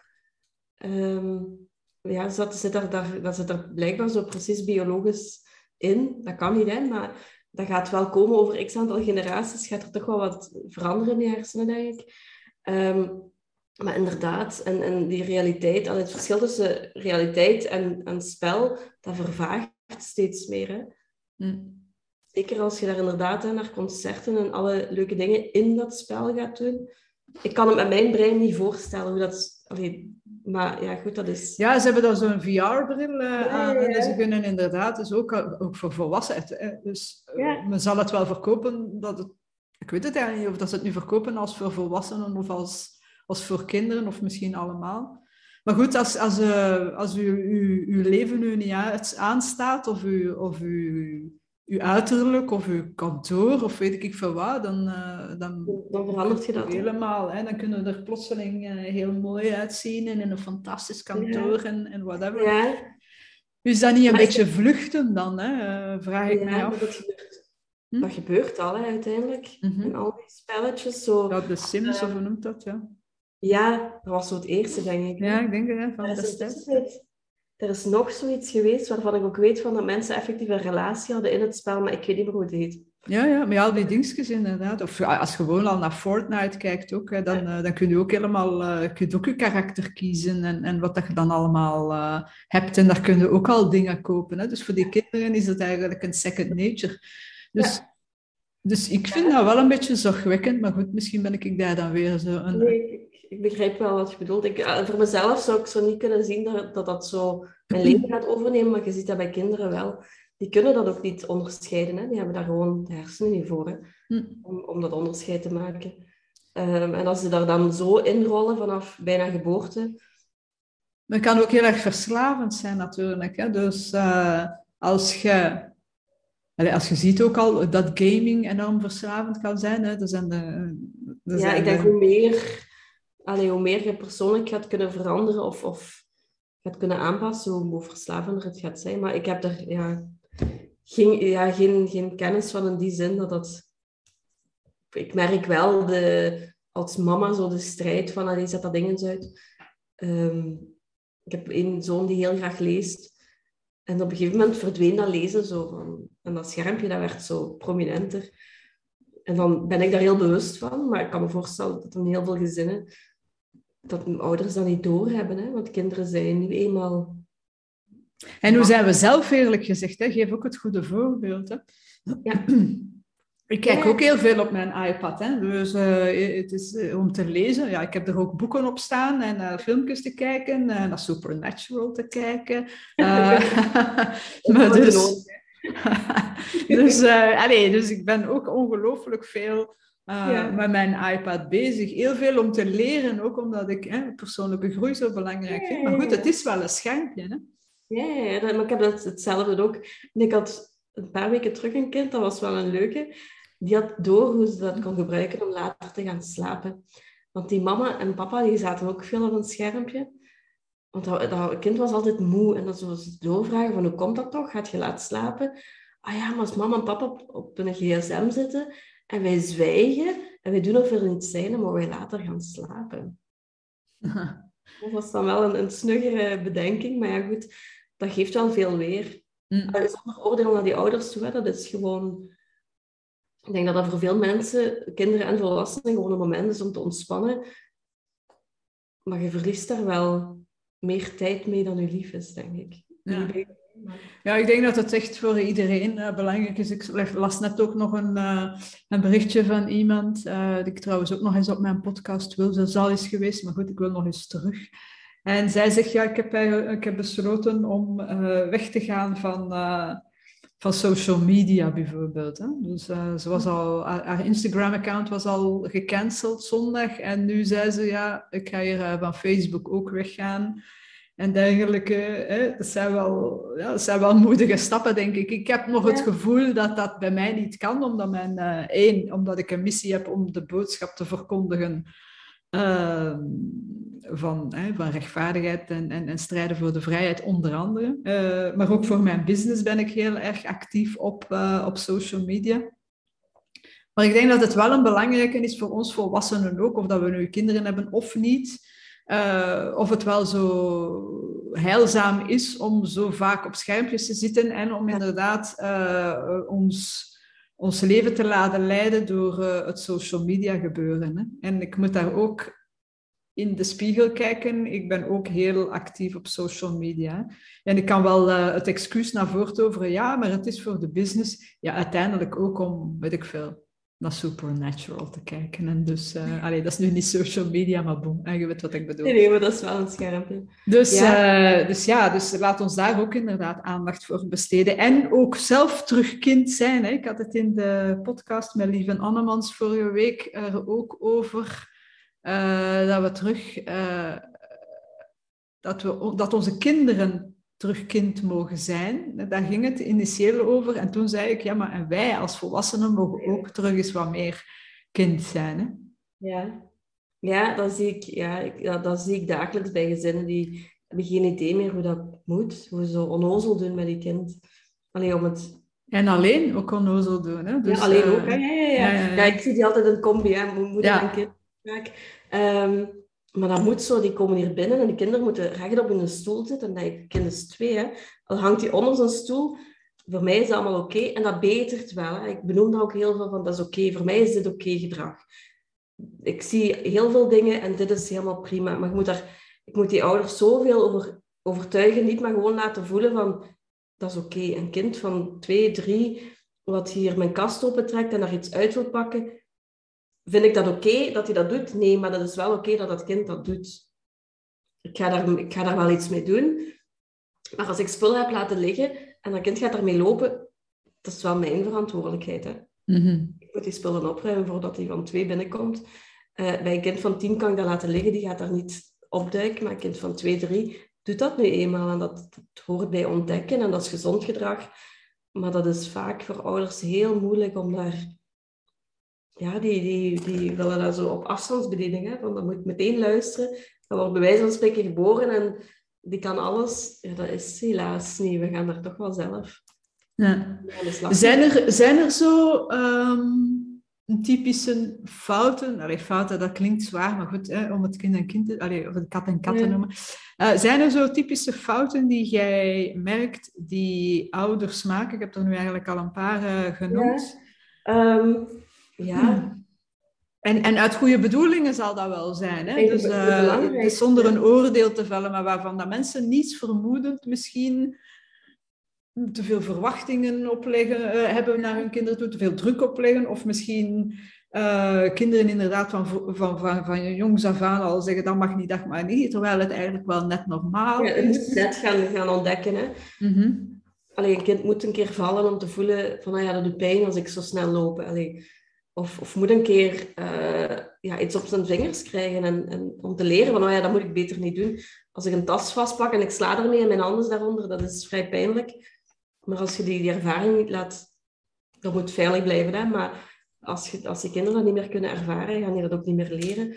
Um, wat ik heel erg merk, de voorbije ja, twee jaar... Niet om dat meteen aan corona te, te linken, zeker niet. Maar de voorbije jaren valt me dat heel erg op. Of is dat mijn eigen groei? Dat ik dat zie, buikgevoel is weg. Ouders hebben zo het idee, ik voed op en dan gaat volgens die en die en die stappen. Maar dat is niet, hè. Een kind leeft gelukkig. Mm -hmm. en op sommige momenten is bepaald gedrag oké. Als je thuis in de living allee, iets niet moogt en je, je roept eens, ja goed, dat is niet tof, maar dat is anders dan dat je in de winkel zit te gillen. Maar um, ik merk dat bij bijvoorbeeld die meertaligen, die hebben ooit het advies gekregen, ah ja, je moet Nederlands spreken, hè, waar, waar de andere mensen Nederlands spreken. En dan zit je zo'n ouder in een winkel, krampachtig boos worden in het Nederlands, maar dat hele lijf en dat hele hoofd roept in het Frans, van ik ben godverdomme pissig op u. Maar die gaan dat dan heel netjes in het Nederlands doen. Dat werkt niet en dat kind luistert niet op dat moment. Had die mama nu gewoon in het Frans even boos geworden, dan had dat veel beter gewerkt. Maar dat buikgevoel is weg, want daar heeft iemand gezegd van... Oh ja, maar ja, je zit in een Nederlandstalige context, dus je moet Nederlands spreken. Dus ik probeer die ouders wel terug laten voelen van... Oké, wat voelt je op dat moment? Welke taal zit in je hoofd? Welke taal voelt je? Welke zit hier? Oh ja, daar gaan we spreken als het dan over die meertaligheid gaat. Um, maar ook kinderen die uh, iets doen en ouders vinden dat dan gevaarlijk. Dat laat ik in het midden.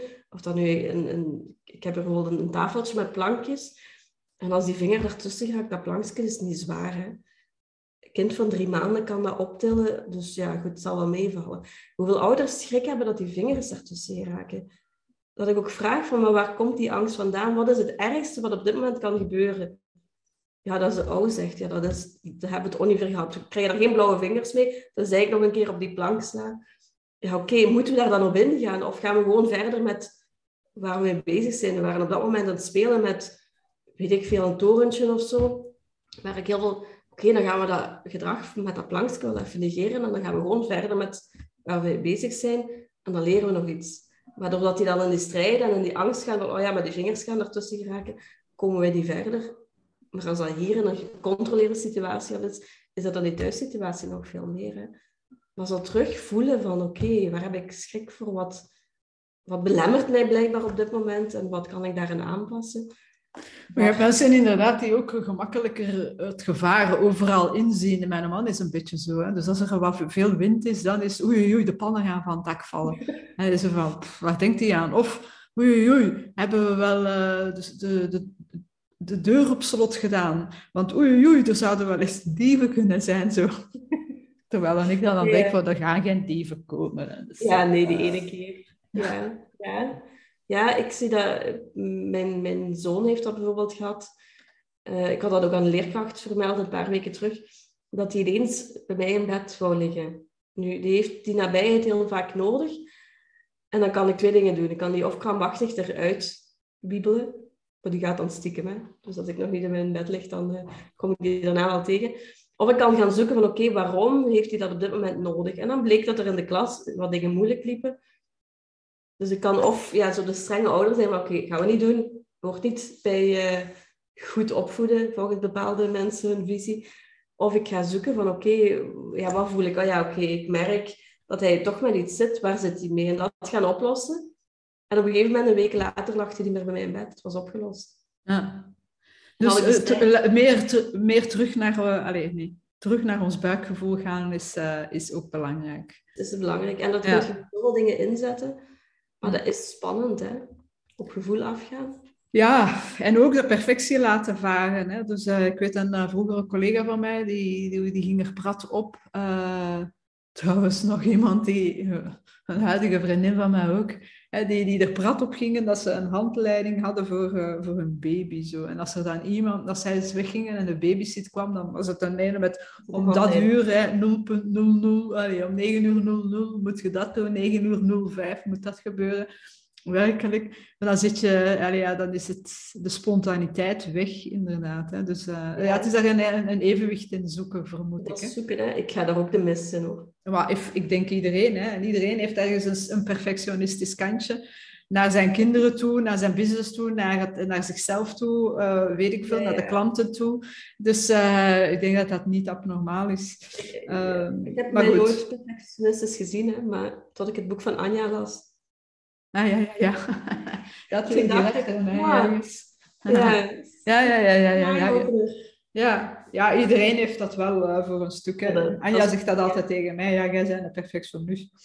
Er zijn verschillende soorten van perfectionisme. Op sommige vlakken vrees ik dat mijn man ook heel duidelijk zal zeggen: Greet is echt geen perfectionist. Nee. Maar goed, als het belangrijk is, dan wil je het inderdaad goed doen. Dus uh, dat ja. mijn klanten toe zal ik inderdaad veel perfectionister uit, uit, de, uit de, uit de hoek komen dan als ik moet opruimen of zo. Dus, uh. Ja, bij mij is dat eerder zo dingen van of ik doe het heel goed, en echt heel goed, of ik doe het niet. En ik denk altijd, het niet doen, dat is niet perfectionistisch. Dat is gewoon, ik stel uit en ik stel uit. Tot ik dat boek las en toen dacht ik, maar dat is omdat ik voel dat ik dat niet zo goed kan doen als die andere dingen. Dus ik schuif dat aan de kant.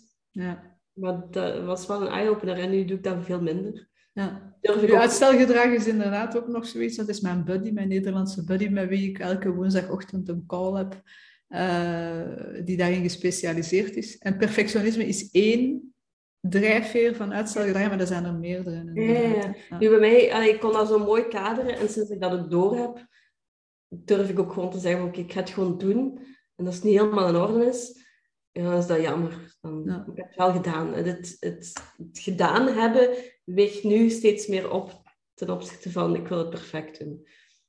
Voilà. En, en, en, zo, en zo heb je ook hè, onder andere intussen je online Hè? Training. Ja, Ik wou net, ik wou net aan social media en social media, hè? oké, dus uh, we doen het gewoon. Hè? Ja, ja, ja daar, ik heb daar ooit op geploeterd, hè, dat ik zo'n mm -hmm. post en nu doe ik gewoon een ochtend en alles wat ik af heb, dat is gepland.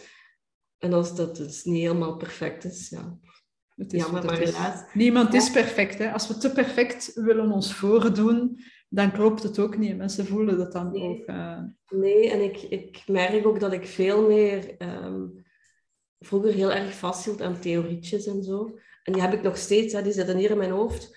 En, die, en, en al die boeken die in mijn kast staan.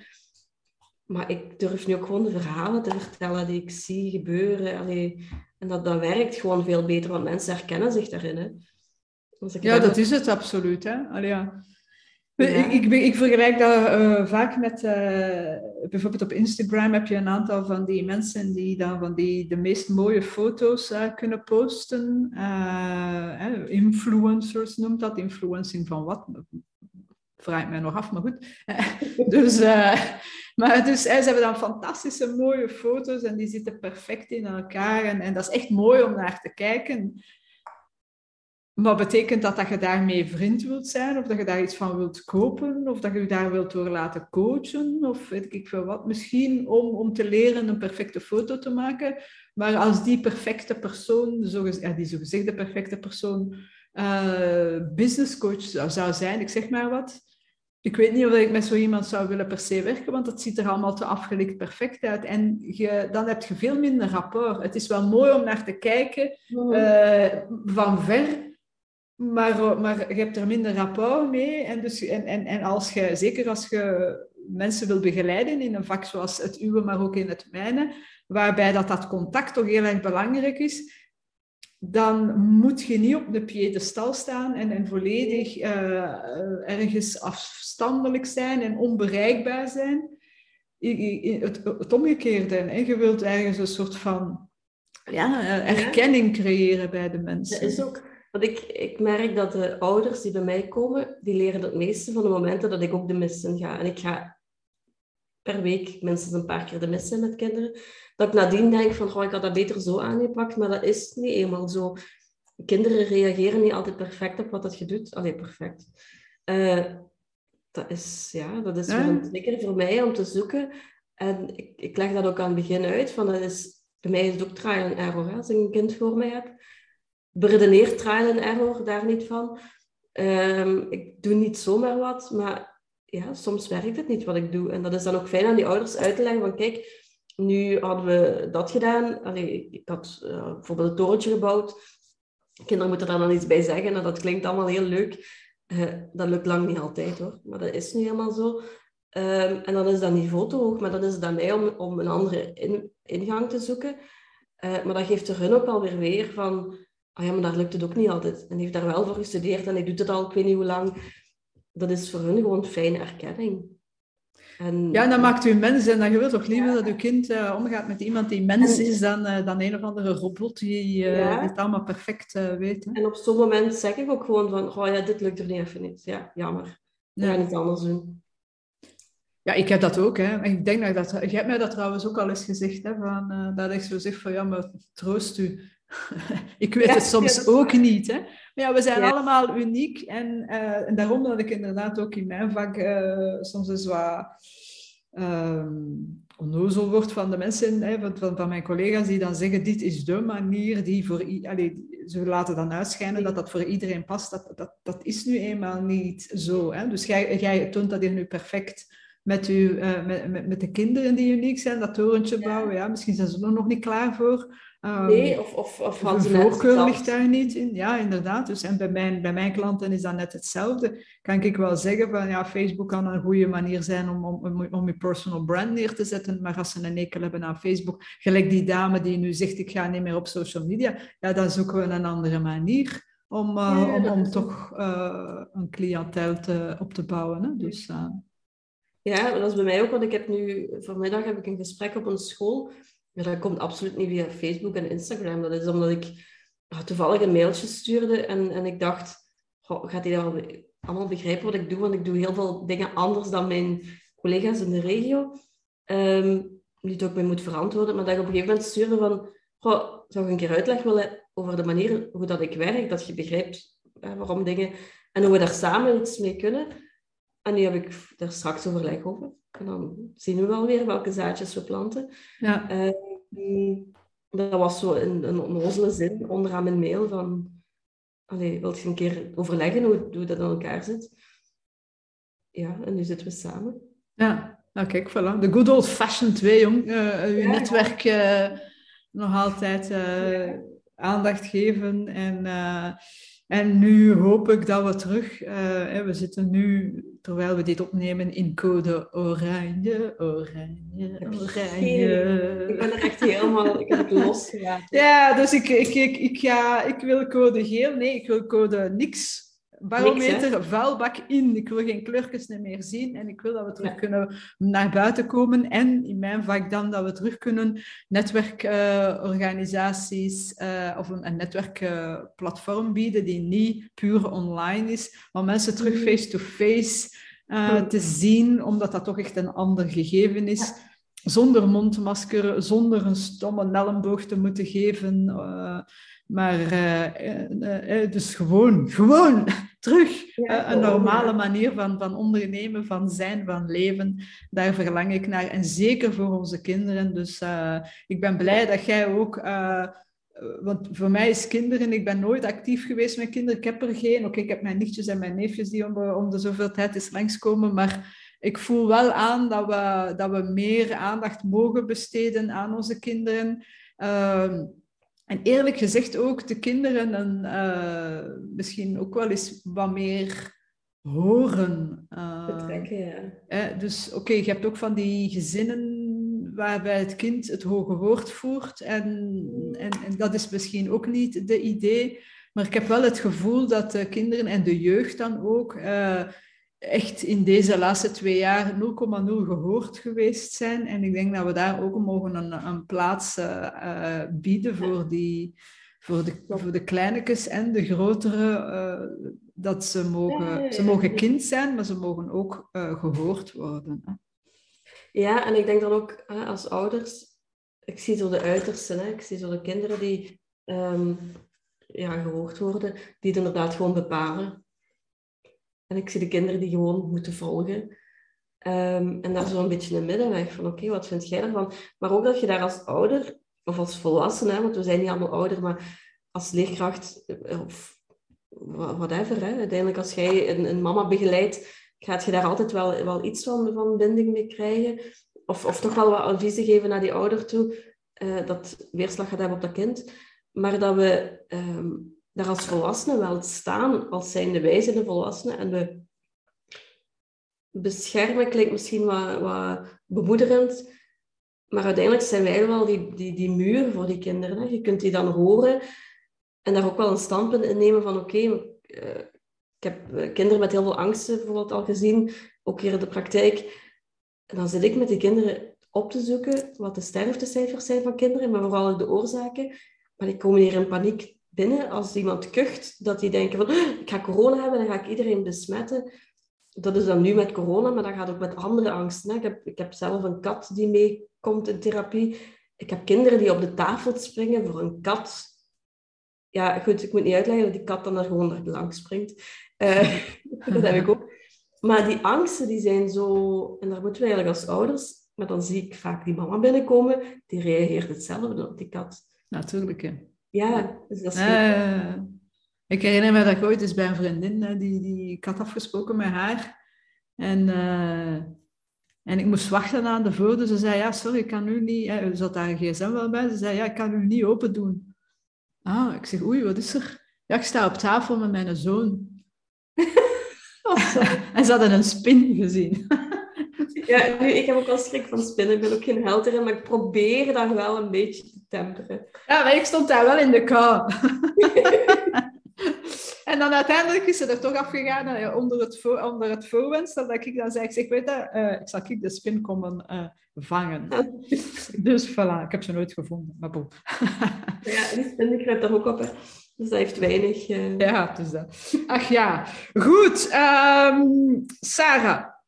Ja. Ik denk dat we zo'n beetje een klein beetje de tour gedaan hebben. We zouden nog heel lang kunnen, eh, kunnen praten. Uh, wat, wat dat je nu net weer aan, aangeeft van die, die, die gulden middenweg te vinden. Het leven is niet zwart-wit en dus uh, ook niet de opvoeding. Die gulden middenweg van luisteren naar kinderen en ze toch ook niet uh, alle heerschappij te geven, voldoende beschermen, maar toch niet overbeschermen. Alles is een beetje, is een beetje afwegen. En ik denk in de laatste jaren dat we, dat we een beetje te zwart-wit aan het leven zijn en dat we terug mogen gaan naar de zogezegde grijstinten. Maar ik hou uh, eerder van de metafoor van alle kleurtjes.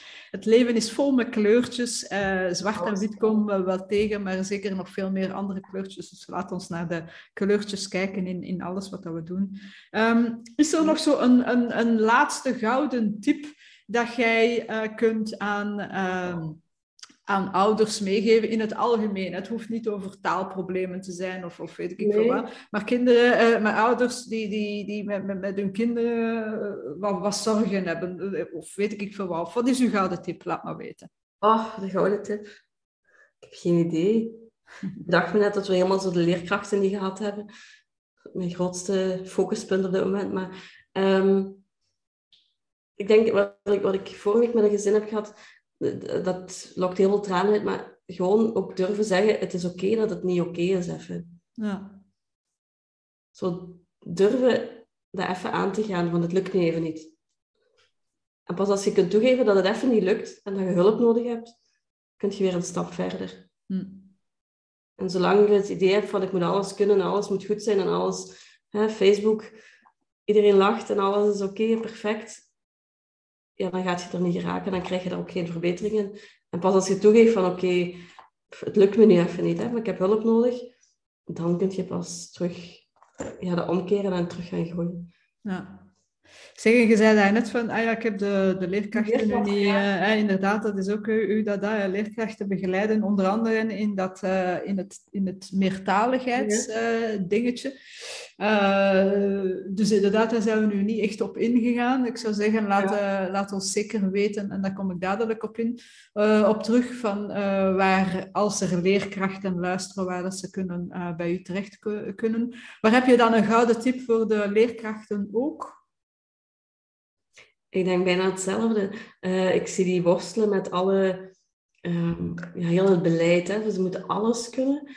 Uh, je moet kinderen die, die zwanger, zwak, zwanger, dat gaan we niet doen, hè. Die zwakker zijn. Kan, hè. Kan. Nee, nee, nee, gaan, ja, mijn kinderen zijn vaak lagere schoolkinderen en kleuters. Nee, dat gaan we niet doen. Uh, de zwakkere kinderen begeleiden, maar ook de sterkere kinderen, de kinderen die meertalig zijn, de kinderen met leesproblemen, rekenproblemen. Uh, nog dat ene hypervrolijke kind wat niet oplet, omdat er te veel binnenkomt, uh, moeten begeleiden. Um, ja, dan is de kunst om daar te gaan kiezen op dat moment. En ook even durven zeggen van, het lukt niet allemaal en dat hoeft ook niet. Hè. Als je al die dingen van 21 of soms 25 leerlingen moet kunnen combineren, dat is, dat is mission impossible. Lijkt mij ook. Ik denk dat dat moet... Uh het zou echt niet aan mij weggelegd zijn. Nee, ik heb... voor de klas staan, oh my god. Allee, graag met volwassenen. Maar met van die kleine, kleinetjes, uh, of zelfs dan uh, pubers, uh, oh, maar ik vind dat chapeau. Hè. Ik vind dat, ja. hè, want men doet vaak nogal lacherig over leraars en maar dat is een gemakkelijk uurrooster. En ik zou dat ook wel ja, willen. Maar wel, word dan leraar. ik denk dat het echt niet zo, niet zo simpel nee. is. Uh. Nee, en ik, ik probeer daar zelf wel zo, uh, in plaats van naar die meertaligheid, daar probeer ik die leerkrachten, of daar ga ik die gewoon, in plaats van die overstelpen met theorie en zoek het maar uit. En dit zijn alle problemen en jij moet ze oplossen dat is heel tof hè, als je dat op je, op je dak krijgt. Maar gewoon heel concreet, heel eenvoudige tips van oké, als je dit en dit en dit doet, dan zet je de goede dingen aan het doen en dat heeft gewoon heel veel effect. In plaats van dat dat dan, eh, als ik dan soms van die beleidsteksten lees, dan denk ik van ja, wie heeft dat geschreven? Heeft hij ooit voor de klas gestaan? Ik heb zelf voor de klas gestaan. Ik zie de kinderen dag in dag uit. Um, ja, dat werkt toch heel anders en je kunt veel concreter tips geven uh, een van de punten is, je moet moedertaal in de klas betrekken. En dan zie ik al die leerkrachten, want ik kan geen Turks en ik kan geen Frans en geen Arabisch.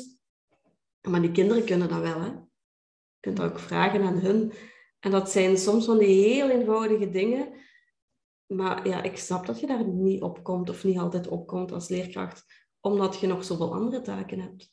Ja.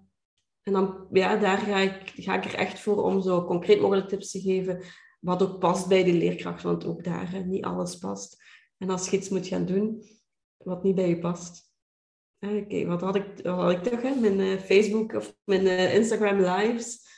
Ik heb ze nog niet gedaan. Hè? um, dat heb ik toch ooit verwoord, hè, dat ik zei van oh, zolang ik maar niet zo live op uh, Instagram moet gaan. Ik weet dat het werkt, maar het voelt voor mij niet goed.